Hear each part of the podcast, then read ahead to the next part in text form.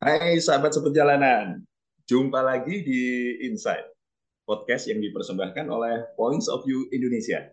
Bersama saya, Agustinus Sanjaya sebagai host Anda kali ini, kita akan membahas tren terkini di dunia people development, menyajikan ragam insight bagi Anda, para profesional coach, trainer, human capital practitioner, dan siapa pun Anda yang melakukan aktivitas pengembangan manusia.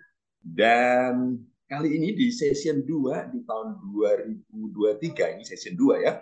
Episode yang kedua bulan Februari kita akan membahas sebuah tema tentang uh, why do we need coaching methods atau dalam bahasa sederhananya kenapa sih kita khususnya para coach atau yang ingin nge-coach tim itu perlu sebuah metode gitu ya.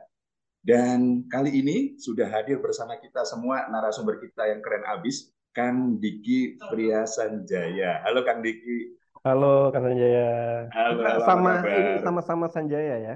Iya, iya ini, ini kebetulan yang tidak kebetulan. Iya, satunya di Jawa Barat, satunya di Jawa Timur gitu ya. Nah, iya iya. keren keren.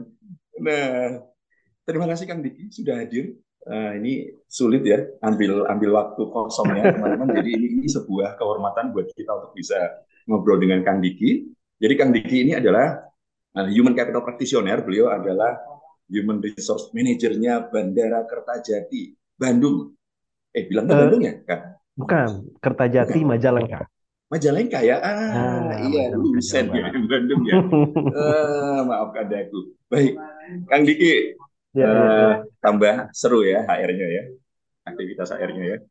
Uh, seru sih, seru seru banget. Oke, oke. Okay.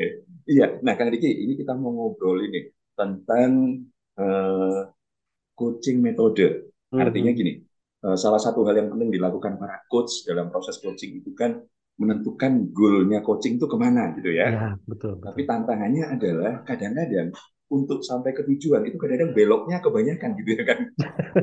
Nggak tahu karena karena apa nih eh, sulit ya. Misalnya coachingnya yeah. beloknya memang ke mana-mana atau betul, betul, betul. si coachnya sendiri itu kayak apa ya perlu panduan khusus gitu ya kan hmm, perlu hmm. panduan khusus supaya coaching itu jadi terarah nah hmm, hmm. ini pertanyaan buat yang Diki gimana sih cara membuat proses coaching itu bisa lebih fokus dan to the point ah, ngarahnya ke tujuan gitu kan boleh ceritakan nah oke okay. jadi kalau uh, ini pertama makasih banget nih sudah di undang di sini uh, buat berbagi. Mudah-mudahan um, bisa jadi apa ya salah satu insight lah ya. Karena memang kalau yang namanya coaching itu kan banyak alirannya, banyak metodenya dan sebagainya. Betul. betul. Nah kali ini memang ketika uh, saya uh, apa namanya, uh, saya cerita dulu nggak apa-apa ya? Boleh, boleh, boleh. Saya, saya, Waktu dan tempat dipersilakan. saya mendongeng dulu nih. Jadi ketika dulu saya ikutan uh, apa sertifikasi coaching gitu, uh, saya pada akhirnya terbuka dengan salah satu metode yang uh, bisa mendevelop orang gitu tanpa kita kemudian mengarahkan, tanpa kita memberikan solusi bahkan karena memang yang di uh, apa yang digali adalah solusi dari uh, coach kita gitu ya uh, atau klien kita. Nah uh, dari situ ditambah lagi uh, waktu itu guru saya Bu Dita ya dari Coaching Indonesia juga memperkenalkan salah satu metode atau tools coaching itu points of view yang kita sama-sama pakai ini uh, yang itu jadi lebih powerful. Nah, itu saya jatuh cinta banget dengan tools ini gitu ya dan uh, bahkan saya jatuh cinta sebelum bertemu nih. saya jatuh cintanya sebelum ketemu gitu. Ini ketika diperkenalkan bahkan di email gitu ya uh, saya jadi penasaran gitu. Uh, Coach Dita itu memperkenalkan salah satu tool coaching, terus saya cari-cari, wah ini kayaknya keren gitu. Melakukan trainingnya, wah saya uh, sangat tersentuh dan akhirnya ini jadi satu uh, yang dipakai gitu. Nah itu itu cerita break, background saya nih di, di di dunia coaching dan memang sampai dengan saat ini uh, itulah yang sering saya pakai gitu. Nah, kalau ke pertanyaan gitu ya, supaya proses coaching lebih fokus dan sesuai tujuan.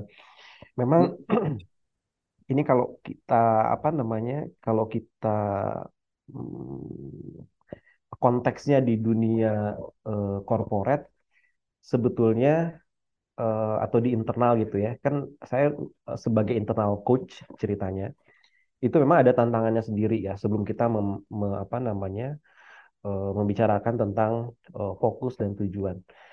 Tantangannya apa? Tantangannya adalah uh, membangun kedekatan gitu, building rapport gitu ya. Kadang karena kita udah kenal, terus uh, apa saya misalkan dengan tim saya uh, cukup kenal atau uh, itu kadang ada ini sendiri ya, ada barrier sendiri sehingga ketika proses coachingnya itu sendiri orang tuh nggak nggak uh, mau terbuka sepenuhnya, nggak mau apa namanya uh, belum sepenuhnya apa namanya uh, tergali gitu. Karena memang ada hambatan-hambatan bisa jadi karena memang uh, uh, tidak ada kedekatan atau belum adanya atau kurangnya kedekatan antara saya dengan coach gitu. Itu itu tantangan yang pertama kalau uh, sebagai internal coach. Beda lagi dengan kalau uh, external coach gitu ya. Karena tidak tahu latar belakang segala macam itu justru jadi satu uh, apa namanya sa uh, satu hal yang uh, justru bisa menjadikan proses itu lebih mudah karena nggak tahu uh, backgroundnya dan memang uh, mungkin bisa jadi lebih trust dengan orang luar gitu. Nah itu jadi tantangan tersendiri yang pertama adalah bagaimana membangun trust, membangun uh, rapor, kedekatan gitu ya. Karena kalau tidak ya orang coach itu nggak mau terbuka, uh, uh, apalagi fokus. Yang kedua terkait dengan uh, lebih fokus dan sesuai tujuan, memang balik lagi ketika di awal coaching itu kan kita biasanya menentukan goalsnya gitu ya, goalsnya. Itu yang juga uh, challenging. Nah kadang uh, coach itu kita nggak tahu, uh, dia nggak tahu uh, apa sih spesifiknya goals yang pengen dituju gitu ya. Uh, apa sih sebetulnya spesifiknya hal yang ingin ditingkatkan gitu kan Nah, itu jadi uh, bisa jadi satu sesi sendiri tuh untuk menentukan goals, untuk menentukan tujuan. Karena kalau itu tidak diklirkan di awal, hasilnya akan ke mana-mana tadi gitu. Jadi memang uh, penting sekali untuk si apa goals dari coaching itu sendiri betul-betul tajam, betul-betul uh, apa, betul-betul clear di benak uh, coaching gitu ya.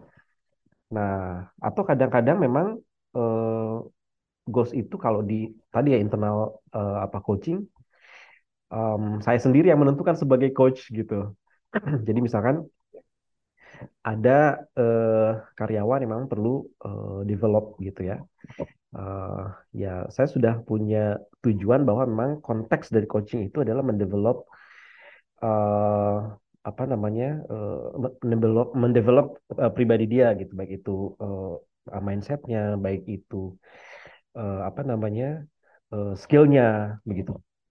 Bisa juga dari saya atau dari dari atasannya. Misalnya nitip nih uh, Kang uh, nitip uh, tim saya begitu ya. Dia cerita misalkan uh, sepertinya ketika uh, kerja dia ada yang kurang dan sebagainya gitu ya. Sehingga itu jadi jadi bahan tersendiri itu untuk untuk apa namanya untuk dibicarakan dalam proses coaching. Jadi sebetulnya awalnya itu sih. Jadi awalnya memang perlu untuk betul-betul mempertajam uh, goalsnya, mempertajam tujuannya. Uh, karena kalau enggak ya tadi nggak fokus uh, ke mana-mana. Saya juga kadang suka ini. Ya. uh, Kak Jai uh, kadang kan suka memperkenalkan points of view ya ke teman-teman di luar gitu. Terus yeah, uh, yeah. Saya, saya suka ini, suka suka nanya siapa nih yang mau nyoba gitu kan, mau nyoba proses coachingnya. Nah, kadang yang nyoba itu cuma coba-coba doang gitu. Dia tidak berangkat dengan uh, goals atau masalah yang real, masalah yang uh, spesifik. Nah, sehingga hasilnya juga kayak nggak dapat aja gitu nggak dapet gitu. Ah, uh, ya, ya, ya. Itu nah, penting banget. Artinya, eh, tak potong nih, terusin dulu, terusin dulu. Ya, ya, ya. Nah, as long as si tujuan ini clear, uh, bahkan pengalaman saya, uh, proses yang lainnya juga itu akan akan jadi lebih mudah gitu. Bahkan saya tidak perlu tahu uh, jawaban yang disampaikan oleh coach gitu. Saya ada pernah ada ada pertanyaan, ada, ada pernah ada uh, proses coaching di mana saya tuh tidak tahu sebetulnya jawaban-jawaban dari coach itu apa gitu. Tapi pada akhirnya dia dapat ininya, insight-nya gitu. Insight-nya dia walaupun nggak cerita ke kita. Nggak, walaupun nggak cerita gitu. Betul, betul, kan betul. itu itu uh, saya pikir ini amazing sih gitu ya. Saya pikir itu amazing. Jadi saya cuma mengkonfirmasi apakah memang sudah mendapat uh, sudah dapat insight-nya terus kemudian saya observasi dari misalkan raut wajahnya gitu ya ada perubahan raut wajah ada apa wajahnya agak kemerahan atau agak agak berair matanya gitu. Nah itu itu saya coba coba tebak. Karena memang waktu itu konteksnya adalah memang uh, uh, personal ya sangat private dia nggak mau cerita ya udah nggak apa-apa. Yang penting uh, uh, di awal itu dia punya tujuan yang jelas gitu punya tujuan yang jelas nah itu itu uh, kadang ini di di apa namanya di proses coaching pakai metode points of view itu kadang udah cukup gitu udah cukup. Tinggal yeah. kita pandu prosesnya dengan um, metode yang apa namanya selanjutnya dari points of view gitu. Mantap gitu. ya. Ini ini ini jadi peneguhan ya afirmasi kalau tools ini luar biasa karena nyentuh bawah sadar nggak perlu ngomong. Udah yeah, dia jawab betul. sendiri. Betul nah, betul. menarik Kang Diki ya ya ya oke. Okay. Nah, Kang Diki artinya ini uh, buat saya ini meneguhkan buat kita semua yang mau ngasih coaching ya. pentingnya untuk bangun relation dulu di awal yes, trust betul, ya kan? betul. Artinya ini ini nggak semata-mata kamu punya masalah apa atau goalmu ke mana gitu kan? Betul betul. Pasti memang pertama bangun dulu samaan energi lalu yang kedua setelah itu baru ya goalnya ini harus dipastikan juga gitu kan ya, ya betul. nah Kang Diki tadi berkali-kali Kang Diki nembak uh, points of view sebagai satu metode yang efektif gitu kan uh, artinya uh, di points of view itu ada uh, metode ya ada yang sering kita sebut pause hmm. expand, fokus, doing gitu kan ya. Ya betul. Nah, betul. Uh, ada koneksinya nggak sih dengan misalnya uh, bangun kesamaan dulu, bangun hmm. trust dulu gitu, ya. lalu kemudian nentuin tujuan, nyambung nggak sih? Ada ada ada relasinya kah? Kalau di um, tadi ya pause, expand, uh, focus, doing uh, atau action, memang uh, ini apa dilaksanakan setelah tadi bangun relation ya menurut saya gitu. Uh, tapi pause sendiri, nah pause atau jeda atau bagaimana kita terkoneksi dengan diri sendiri itu sebetulnya perlu untuk bagi kita sebagai coach terlebih dahulu gitu untuk pause dulu gitu. Sebelum kita memulai sesi uh, bagaimana juga kita perlu untuk terkoneksi diri sendiri. Jadi pause-nya kalau dalam konteks ini uh, itu digunakan uh, terlebih dahulu oleh uh, coach-nya sendiri justru gitu. Sebelum kemudian memulai proses. Bagaimana dia terkoneksi dengan dirinya sendiri, bagaimana dia kemudian bisa hadir sepenuhnya untuk uh, apa namanya untuk uh, coaching hadir sepenuhnya dia bisa apa namanya uh, memandu prosesnya dengan baik ya memang didahului menurut saya ya itu didahului dengan pause untuk uh, si coach itu sendiri gitu seperti kalau karena kalau enggak ya Eh, seorang coach juga tidak akan, saya yakin tidak akan bisa memandu proses coaching dengan baik. Kalau dia tidak terkoneksi dengan diri sendiri, tidak bisa menghadirkan dirinya dalam proses itu, gitu seperti itu, Pak. Ah, iya. Jadi ini ini sekaligus ya ngebayangin bahwa sebetulnya saya jadi beberapa pengalaman juga sih yeah. Iya. uh, dari cerita teman-teman points of view juga kan, jadi bahwa pause ini kan juga sebagai latar untuk uh, dia hadir saat itu di situ gitu kan ya. ya betul betul. Coach juga hadir lalu dia kalau ditanya goal apa minimal jadi lebih jernih ya. ya betul. lalu betul, betul. dia dia uh, bisa bisa bisa lebih bisa hadir di situ. Nah kalau pause seperti itu lalu expand kalau dihubungkan dengan uh, supaya dia bisa menerjemahkan masalahnya dengan baik. Apakah ini ya. cukup efektif Kang Diki sejauh pengalamannya Kang Diki? Expand lalu difokusin gitu. Gimana kan? Ya, ya. Ya, memang uh, tadi kan uh, pause dulu ya, pause kemudian antara uh, pause dan expand itu kan um, atau jadi gini, ada ada tadi ada ada momen di mana uh, kita menentukan uh, masalah ya, mengklirkan masalah dulu, goals uh, goalsnya dulu seperti apa, memformulasikan itu. Nah itu uh, memang bisa didahului oleh pause dulu atau setelah uh, pause baru kemudian ini apa namanya uh, Eh, dilakukan penajaman masalah gitu. Nah.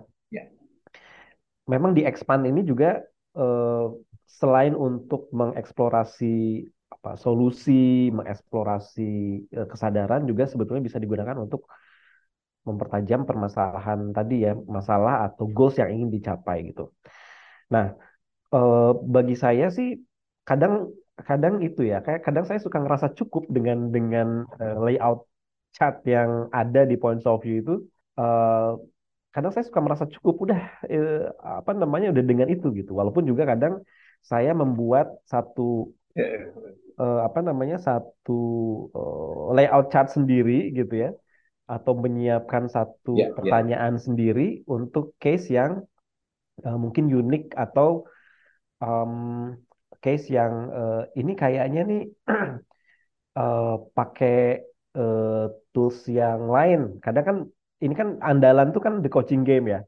Biasanya pakai the coaching game sebagai hmm. andalan gitu karena dia juga punya udah punya layout chart yang lengkap lah menurut saya dan itu sudah bisa, ada betul hmm, gitu. Tapi kadang saya juga uh, mengelaborasi atau juga menggunakan uh, tools yang lain misalkan Faces untuk uh, relasi apa interpersonal atau intrapersonal gitu kan. Um, dan karena Faces juga uh, layout chartnya terbatas, jadi uh, ya saya pakai uh, pertanyaan yang lain pada akhirnya gitu.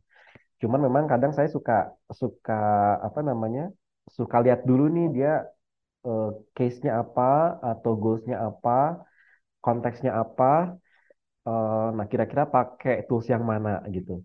Nah habis itu berarti kalau pakai di coaching game tinggal pakai itu aja lah layout chart yang ada gitu kan. Tapi kalau pakai yang lain uh, saya biasanya create sendiri apalagi kalau uh, proses coachingnya uh, grup gitu ya. Uh, grup atau kelompok itu saya sih biasanya desain sendiri untuk proses expandnya atau untuk uh, proses hmm, apa ya istilahnya mengeksplorasi kesadaran-kesadaran yang yeah. Ya. berhubungan dengan masalah atau goals yang sedang dihadapi gitu. Nah, ini ini ini jadi menarik nih teman-teman. Uh, kan Diki ini terkenal banget ya untuk bikin layout chart. layout chart ini kan alur berpikir ya. Alur yeah, yeah, kemudian yeah. itu uh, kita itu amazing, uh, amazing banget di di Microsoft itu alur berpikir dalam layout chart itu sering mengarahkan peserta gitu ya. Apa pun uh, layout yeah. chartnya. Tapi hmm. ujung-ujungnya kalau pakai pause, expand, focus, doing itu nembak ya kan ya. Iya, yeah, Betul, betul. Artinya habis di-expand, terus nggak dibiarin keluar kan ya? Ya, betul. Digali sampai bawah sadarnya, tapi juga dibalikin untuk masuk, difokusin betul. lagi, jadi nggak melebar ke mana-mana. Betul, betul. Itu cukup membantu ya kan ya sejauh yang kan Diki alami, gimana kan? Ya, eh, kalau tadi kita berbicara expand, memunculkan berbagai kesadaran gitu ya, ya. Eh, terkait dengan goalsnya dia, memang next stepnya adalah fokus kan gitu ya. Uh, ya fokus itu berbicara tentang apa sih uh, kesadaran utama yang dia uh, apa ya rasakan gitu kan. Betul, uh, karena memang uh, points of view itu atau proses coaching itu kan menggali berbagai kesadaran gitu ya. Uh, awareness yeah. tentang diri kita dan itu bisa jadi banyak hal gitu dalam proses coaching. Nah, tapi kan untuk melakukan action itu kita mesti fokus gitu, mesti fokus gitu. Makanya mana dulu nih gitu ya? Mana dulu yang mau dilakukan? gitu. Kalau misalkan ya, ya, ya.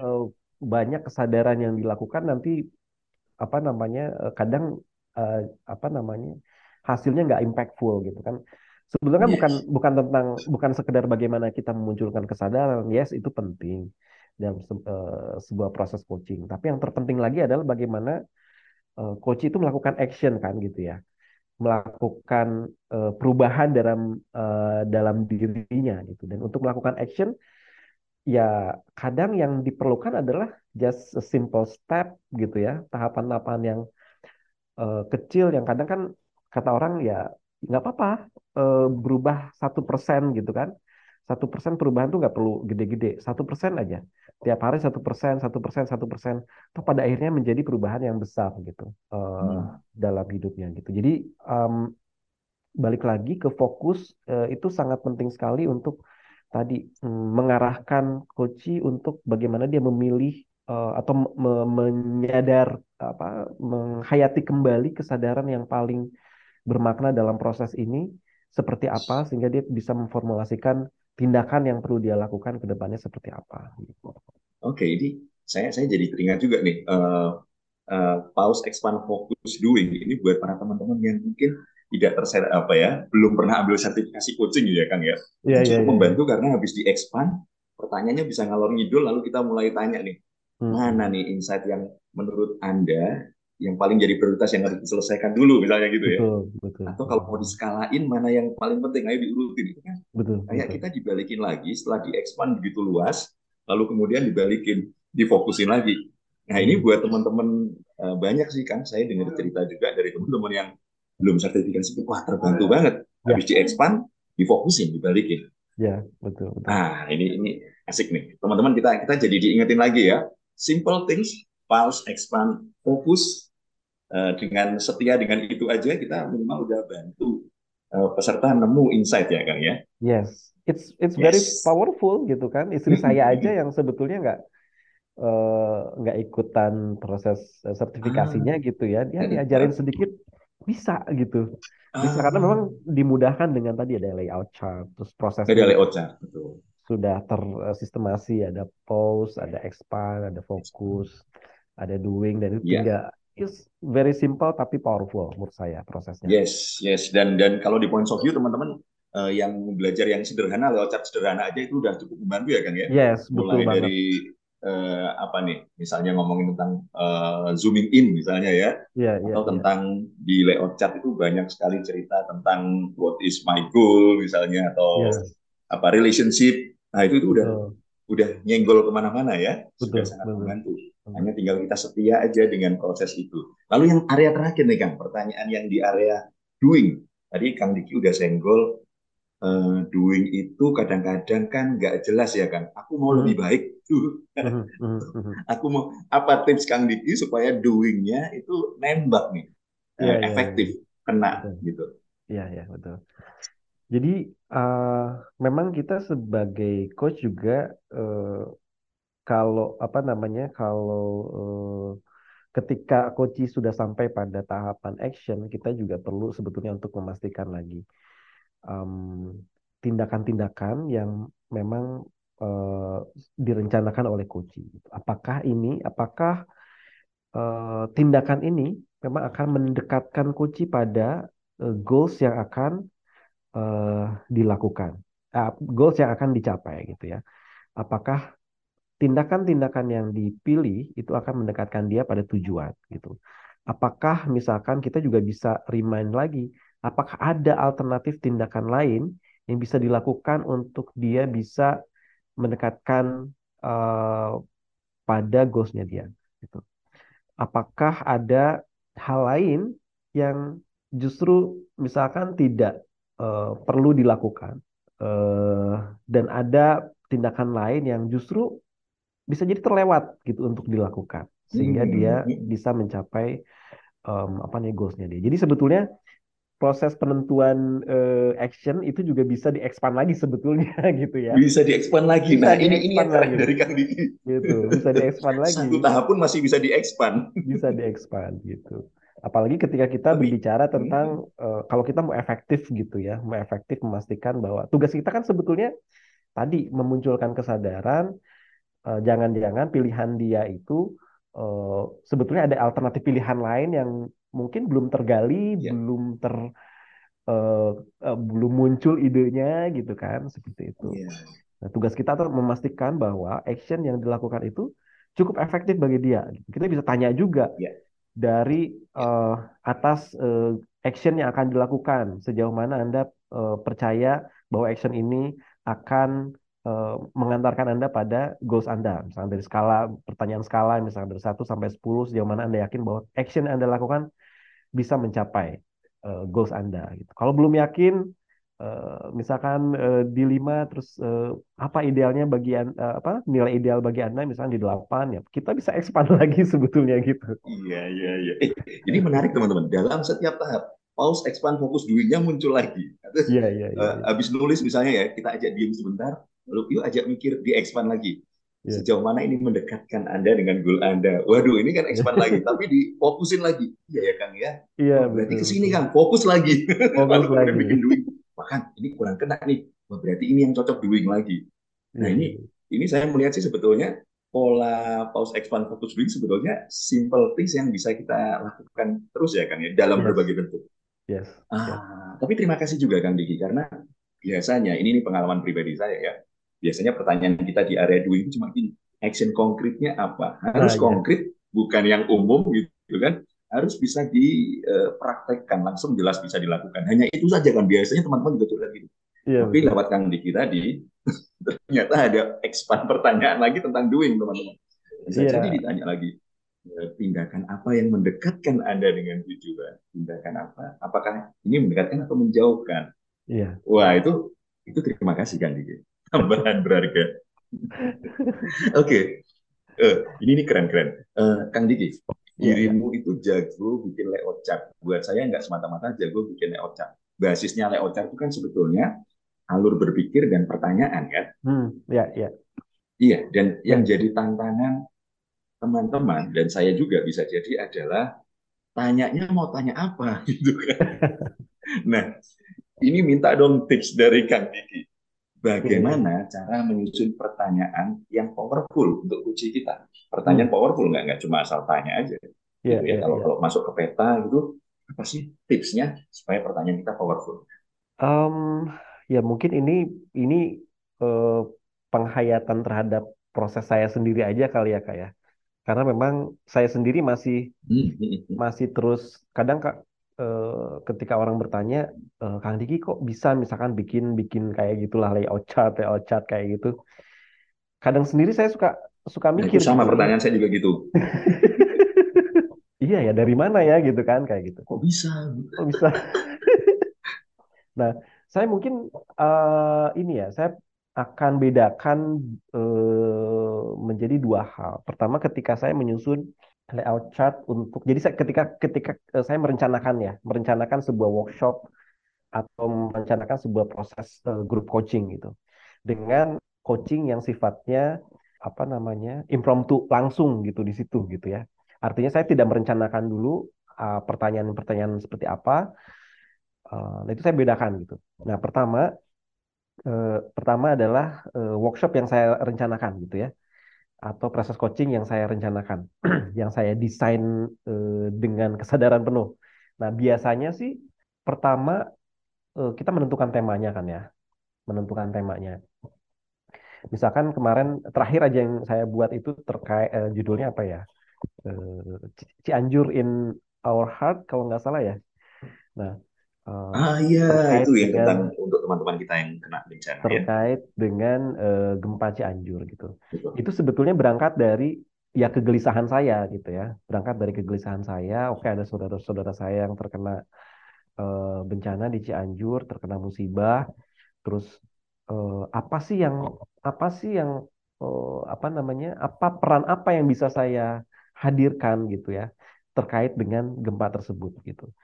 Karena saya kalau harus pergi ke sana saya terbatas waktunya juga gitu kan, terbatas apa eh, resources saya kalau harus membantu ke Cianjur juga terbatas. Nah, jadi muncul dari kegelisahan saya apa sih yang bisa uh, saya lakukan peran apa dan juga saya dari situ juga saya berpikir oh saya juga ingin meng, me, apa namanya menyebarkan kegelisahan yang sama gitu ya tentang peran apa yang bisa hmm. kita lakukan terkait dengan Cianjur. Makanya sebetulnya konteks uh, atau tujuan dari uh, Cianjur in our heart sebetulnya bukan untuk penyintas kak gitu, tapi untuk kita kita penyadaran bagi kita kita yang uh, tidak menjadi penyintas menyaksikan itu, tapi apa namanya uh, apa namanya uh, kita ingin menumbuhkan kesadaran tentang apa yang bisa kita lakukan terkait dengan hal itu.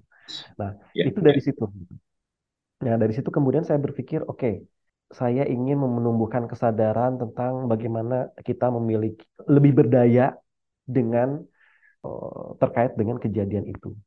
Nah, makanya saya uh, pancanglah uh, prosesnya apa sih kesadaran apa yang perlu kita hadirkan gitu ya bagi diri kita sehingga kita meras men, dengan adanya kejadian gempa itu kita justru menjadi lebih berdaya dan harapannya bisa memberdayakan orang lain gitu. Nah, itu jadi muncul dari um, pertama uh, menentukan uh, konteksnya apa gitu ya, atau uh, goalsnya apa. Terus kemudian yang kedua, saya berpikir tentang uh, terkait dengan tema itu, terkait dengan konteks itu, kesadaran apa yang ingin uh, saya hadirkan gitu kesadaran apa yang ingin uh, saya ingin uh, hadirkan dari um, uh, peserta atau coach uh, dalam hal itu gitu. Nah, mulai dari dari situ. Jadi tentang uh, temanya apa, terus kemudian dari situ lalu kesadaran apa yang ingin saya munculkan gitu. Uh, itu atau saya juga biasanya berangkat dari uh, teori kak gitu. Jadi uh, misalkan dikombin dengan teori uh, psikologi tertentu gitu. Jadi memang ada ya. apa namanya ada ada background teorinya gitu. Background konsepnya kayak dulu ketika Chinese New Year saya ingat uh, tentang uh, keberuntungan gitu kan. Saya bikin layout chart tentang keberuntungan, tentang uh, uh, laki, tentang hoki gitu ya. Nah, itu saya yeah, ambil yeah. konsepnya dari namanya uh, Profesor Richard Wiseman. Dia seorang profesor profesor psikologi yang meneliti tentang keberuntungan gitu. Nah, di situ ada konsep-konsepnya. Terus hmm. ya udah, dari situ saya bikin pertanyaannya. Dari konsep pertama uh, bagaimana uh, apa namanya? Apa sih yang in, apa namanya? kesada uh, melalui proses coaching ini kesadaran apa yang ingin saya tumbuhkan gitu terkait dengan konsep yang pertama misalkan bahwa, misalkan bahwa yang namanya keberuntungan itu tergantung dari uh, network gitu ya. Nah, on yeah, network yeah. saya ingin orang itu menyad, uh, orang itu menyadari sejauh mana dia memiliki uh, network gitu. Nah, yes, dimuncul yes. Uh, apa namanya dibuatlah pertanyaan untuk memunculkan kesadaran itu. Gitu. Jadi Jadi step-step ya. step teorinya itu dipindahkan jadi pertanyaan. Yes, kadang juga ada yang kayak gitu. Oke. Oke, menarik menarik. Eh, nah, ini, ini asik ya. Kita sekaligus loh udah dapat sumber inspirasinya. Jadi teman-teman ini ini tadi barusan saya catat sumber inspirasinya Kang Diki itu kalau mau bikin pertanyaan, yuk kesadaran konteksnya harus punya gitu kan. Ya. Apakah ini, ini di, di konteks apa? Terus lalu kemudian kesadaran apa yang mau saya hadirkan? Apakah uh, untuk berbuat sesuatu, untuk uh, apa awarenessnya atau apanya ya kak ya, ya. kesadaran apa nih yang mau dihadirkan lalu juga bisa berbasis teori ya. itu bisa jadi nanti alur uh, alur teorinya itu tahap-tahap teorinya bisa jadi alur juga untuk bertanya ya, ya. atau poin-poin pentingnya ya kak ya kan ya. ya. Betul. Ah, oke. Okay. Nah, beda lagi kak, beda lagi hmm, kalau prosesnya. Saya jadi tambah pinter. Alhamdulillah. Beda lagi prosesnya kalau langsung ya. Ini saya tanpa rencanakan dulu gitu. Tanpa saya rencanakan dulu. Jadi hmm, hmm, Nah, kayak misalkan kemarin eh, eh, coaching tim saya yang apa namanya dia punya migrain sering kerasa migrain. Nah, saya saya coba pengen pengen tahu nih barangkali bisa jadi tidak sekedar misalkan karena masalah fisik saja, tapi bisa jadi ada uh, masalah psikologis atau relationship yang berpengaruh terhadap munculnya itu. Nah, untuk uh, case yang kayak gitu kan saya kadang juga tidak apa ya uh, ditanyakan secara intuitif. Um, tapi juga yang namanya intuisi ini um, jadi bukan yang saya tahu ya tentang intuisi itu jadi bukan ide yang tiba-tiba muncul begitu saja gitu tapi intuisi itu adalah proses yang uh, dia muncul sangat cepat tanpa kita sadari tiba-tiba muncul gitu ya. Uh, padahal itu ada prosesnya, proses berpikir gitu. Ada bahan-bahannya untuk dipikirkan gitu ya. Nah, sehingga uh, bagi saya akan sangat berpengaruh juga sejauh mana kita punya keragaman konsep, keragaman teori tentang katakanlah tentang psikologi, tentang dinamika tim atau tentang leadership. Uh, itu akan berpengaruh juga terhadap hmm, pertanyaan yang uh, nantinya kita akan ajukan gitu. Jadi balik lagi sih um, tidak bisa bukan tidak bisa ya. eh, pertanyaan-pertanyaan itu uh, tidak muncul begitu saja, tapi juga atas sebetulnya pemahaman kita atau pengetahuan kita tentang konsep-konsep yang relate dengan itu gitu. memang dulu saya uh, saya uh, dulu punya kesimpulan bahwa uh, ketika apa ya ketika belajar coaching dulu ya punya kesimpulan bahwa seorang coach itu sebenarnya tidak perlu tahu tentang uh, apa namanya kontennya ya kontennya gitu ya tidak katakanlah mm -hmm. ada uh, klien kita uh, dia tentang bisnis gitu ya misalkan uh, konten tentang bisnis kita nggak perlu tahu tentang teori tentang bisnis apa segala macam tapi memang justru yeah, yeah. Uh, yes it is true tapi akan lebih sharp akan lebih tajam akan lebih powerful lagi ketika kita memang sudah memiliki uh, pengetahuan tentang konsep bisnis katakanlah kalau konteks yang tadi itu jadi penting menurut saya juga bagi kita untuk sebagai coach untuk menambah wawasan uh, konsep dan framework-framework uh, yang itu bisa apa ya bisa memudahkan kita dalam nanti mengekspand uh, proses coaching itu sendiri. Yeah. Nah, teman-teman, maka kalau mau expandnya lebih tajam, banyak-banyak belajar. Yes. ya, bangun berbagai macam frame, jangan bosan yes. baca buku, jangan bosan tabungan berbagai macam konsepnya ditambah ya. Betul, betul, betul. Ini artinya juga ini kayak apa ya? Berbagai coaching model kita juga sebenarnya bisa dihubungkan ya Kang ya dengan oh, sangat bisa. Sangat Star bisa model, grow model bisa ya. juga. Dan ini sebuah saya menyederhanakan sebetulnya ya, bukan bukan bukan kita meremehkan, tapi menyederhanakan alur grow itu kan dimasukkan ke post expand focus bisa ya kan? Ya ya ya. Nah itu uh. ini sangat membantu sih teman-teman. Jadi buat anda yang masih bertanya-tanya uh, metode atau alur berpikirnya harus bagaimana? Setialah dengan post expand focus doing tapi jangan lupa tetap belajar. Tambah konsep anda gitu kan ya. Betul, betul. oke okay. Kang Diki Terima kasih banyak. Aku pengen ngobrol lebih banyak, tapi waktunya ternyata nggak cukup. Jadi bisa diterusin di luar. Iya iya. iya. Kapan-kapan kita ketemu langsung ya kayaknya ya. Eh eh bener ya, bener ya.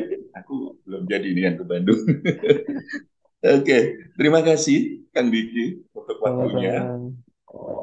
Dan buat yang pengen terhubung dengan Kang Diki, buka aja Instagram beliau di apa Diki Senjaya kalau nggak salah. Diki F Senjaya. Eh, Diki F Senjaya pakai D I C K Y ya teman-teman. Ya, F Senjaya. Yes. Nah, FB sama ya FB? FB sama juga. Sama juga. Oke. Okay. Email so, sama buat juga. yang mau hmm, email sama juga. Oke. Okay.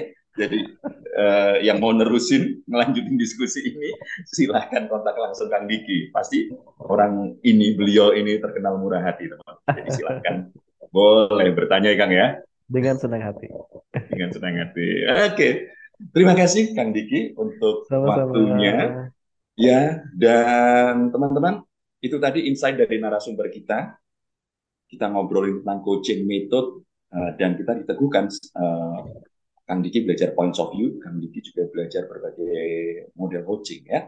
Dan di sini kita tadi barusan bicara bagaimana pause, expand, focus doing akan sangat membantu untuk peserta makin memperdalam uh, isunya sampai ketemu goal akhirnya, solusinya sampai kemudian doing. Tapi jangan lupa di awal tetap perlu adanya building trust, bangun relation, ya kan? Lalu kemudian goalnya diarahin dulu dengan jelas.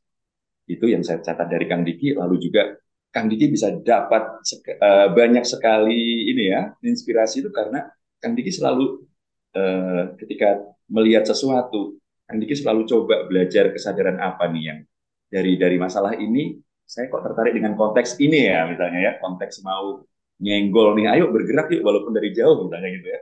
Lalu kesadaran apa yang mau dibangun dan bisa disambungkan dengan konteks teori itu inspirasi-inspirasi yang juga bisa digali untuk bangun pertanyaan kan gitu ya. Oke okay. teman-teman itu tadi uh, sesi kita hari ini. Dan terima kasih banyak buat teman-teman yang sudah ngedengerin Tadi kalau berkali-kali diulang tentang points of view, Anda juga kepoin Instagramnya Kang Diki banyak ngobrolin tentang points of view. Kelas beliau juga kalau dia uh, beliau buka kelas, jangan ragu untuk ikut gitu ya. anda juga bisa buka uh, Instagramnya Points of View Indonesia jika Anda ingin mengikuti berbagai macam program pengembangan diri. Anda bisa lihat kami punya berbagai kelas akademi, juga berbagai kelas pengembangan diri. Dan yuk, semoga kita tetap tersambung dan terus belajar. Dan begitu tadi, teman-teman, podcast Insight yang membahas tren terkini di dunia people development serta menyajikan ragam insight bagi Anda, para profesional coach, trainer, human capital practitioner, dan Anda yang melakukan aktivitas pengembangan manusia. Terima kasih, sampai jumpa. Terima kasih Kang Diki. Terima kasih Kak Jai.